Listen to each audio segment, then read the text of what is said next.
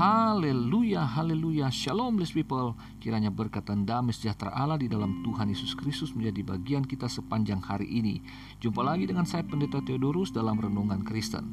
Hari ini kita akan membahas tentang Haleluya itu bahasa segala yang bernafas. Terambil dari kitab Mazmur pasal 150 ayat 1 sampai 6 Begini firman Tuhan. Haleluya, pujilah Allah dalam tempat kudusnya Pujilah dia dalam cakrawalanya yang kuat. Pujilah dia karena segala keperkasaannya. Pujilah dia sesuai dengan kebesarannya yang hebat. Pujilah dia dengan tiupan sangkakala. Pujilah dia dengan gambus dan kecapi. Pujilah dia dengan rebana dan tari-tarian. Pujilah dia dengan permainan kecapi dan seruling. Pujilah dia dengan ceracap yang berdenting. Pujilah dia dengan ceracap yang berdentang. Biarlah segala yang bernafas memuji Tuhan.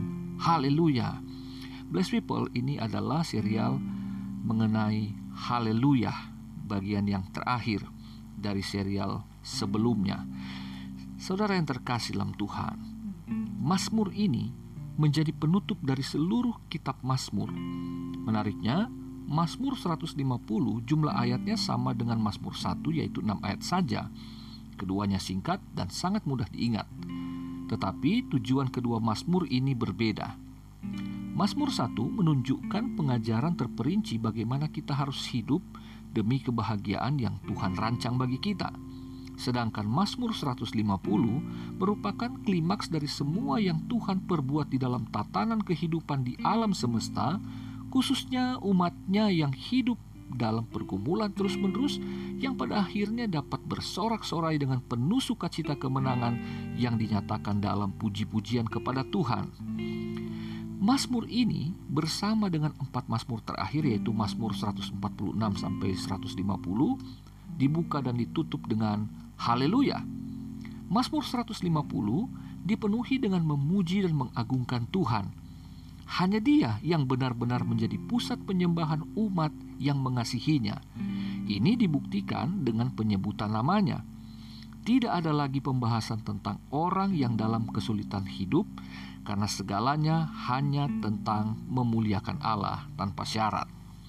Blessed people, pujian dengan penyebutan nama Yahweh sebanyak tiga kali yaitu Haleluya di ayat 1a, ayat 6b, dan memuji Tuhan di ayat 6 bagian A. Pujian dengan penyebutan nama El sebanyak satu kali, yaitu Pujilah Allah di ayat 1 bagian B.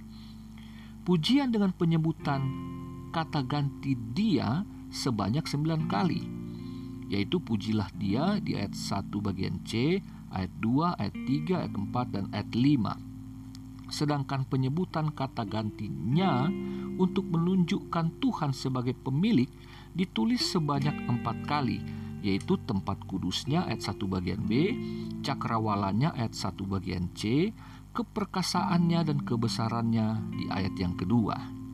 Blessed people, Mazmur ini mengajak saudara sekalian untuk menghayati ulang akan siapa Allah secara pribadi bagi saudara. Akan apa yang telah dia perbuat di masa lalu, apa yang sedang diperbuatnya sekarang, dan apa yang akan dia lakukan di masa depan. Pengagungan kepada Tuhan bisa dengan ketika saudara melihat ciptaan yang luar biasa, yaitu cakrawala yang begitu luas dan kuat, karena menjadi tempat bertautnya matahari, bulan, dan bintang yang menandai hari-hari saudara dalam berbagai situasi yang dijalani dengan kondisi yang berubah-ubah, tetapi herannya ciptaannya itu tetap konsisten melakukan tugasnya untuk menerangi siang dan malam. Puji Tuhan, haleluya. Bless people yang terkasih, memuji dan menyembah Tuhan merupakan perintah yang harus dilakukan. Jadi, beribadah merupakan kewajiban dan bukan hak bagi saudara. Mengapa? Karena kalau ibadah itu hak, maka saudara boleh melakukan atau tidak melakukannya. Akan tetapi, ibadah itu suatu kewajiban yang tidak berdasarkan saudara mau atau tidak mau. Ibadah harus dilakukan tanpa syarat karena kesadaran yang mendalam akan pentingnya Tuhan di dalam hidup saudara. Tanpa Tuhan, saudara tidak berarti apa-apa kata Yohanes 15 ayat 1 sampai 8. Hidup saudara bergantung kepada Tuhan Yesus yang adalah hidup itu sendiri. Yohanes 14 ayat yang ke-6. Amin saudaraku. Bless people yang terkasih. Hidup saudara mungkin porak-poranda gara-gara pandemi COVID-19 yang berkepanjangan. Namun ingat saudaraku, bahwa sebagaimana ada siang dan ada malam yang menunjukkan kuasa pemeliharaan Allah yang sempurna dan tak pernah berubah sebagaimana penciptaan pada mulanya mengenai cakrawala dan isinya di mana bumi belum berbentuk dan kosong yang dikuasai oleh gelap gulita di ayat 1 sampai 19 dalam Kejadian 1 demikianlah Allah sanggup mengubahkan situasi yang kelam ini hanya dengan ia berfirman dan saudara cukup menanggapinya dengan iman dalam Ibrani 11 ayat yang ketiga. Namun demikian blessed people, satu hal yang harus saudara sadari dan tidak mengingkarinya, yaitu bahwa di tengah sikon yang sangat sulit sekarang ini, ternyata saudara masih bernafas. Ingat saudaraku, orang terkaya, orang terpintar, orang terhebat, orang terpandang dan sebagainya bisa memiliki segalanya dengan usahanya tanpa Tuhan tetapi tidak satu pun dari mereka yang dapat membeli nafas kehidupan. Hanya Allah pemilik nafas hidup dari segala ciptaannya yang bernafas. Tanpa nafas, segala makhluk pasti mati. Jadi, dengan bernafas saja sudah menjadi alasan yang sangat kuat bagi saudara untuk memuji dan menyembah Tuhan. Perhatikan, blessed people, memuji Tuhan Allah harus dengan kesungguh-sungguhan karena saudara sedang memasuki ruang paling sakral yaitu tempat kudusnya di mana dia bersemayam. Itu bukan ruang sembarangan. Tempat kudusnya hanya diperuntukkan bagi saudara yang rindu menjumpainya dalam sukacita puji-pujian saudara meskipun saat itu saudara sedang dalam masalah besar. Jadi ibadah saudara yang mengatakan haleluya, puji Tuhan, adalah bahasa pengakuan bahwa saudara sedang berhadapan dengan Allah yang keperkasaan dan kebesarannya melampaui masalah saudara. Amin.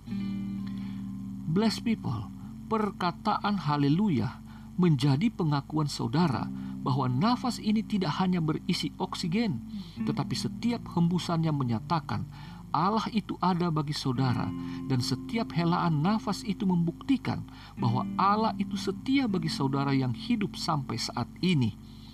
Memuji Tuhan dengan iman telah menyatukan saudara yang tinggal di rumah dengan Allah yang bertahta di sorga.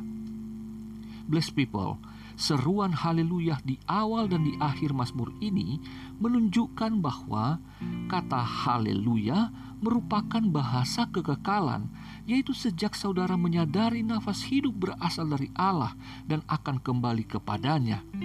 Dari dunia yang sementara ini saudara memuji Tuhan, maka ketika di sorga, saudara akan tetap menyerukan haleluya bersama-sama dengan penghuni sorga untuk menyambut sang mempelai gereja, yaitu anak domba Tuhan kita Yesus Kristus dalam Wahyu 19 ayat 1, ayat 3, ayat 4 dan ayat 6. Demikianlah blessed people yang terkasih.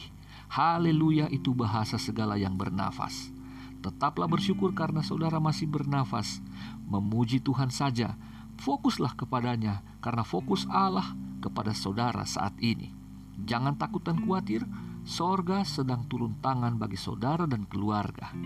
Selamat beraktivitas, tetap semangat, sampai jumpa di sesi berikutnya. Haleluya, Tuhan Yesus memberkati.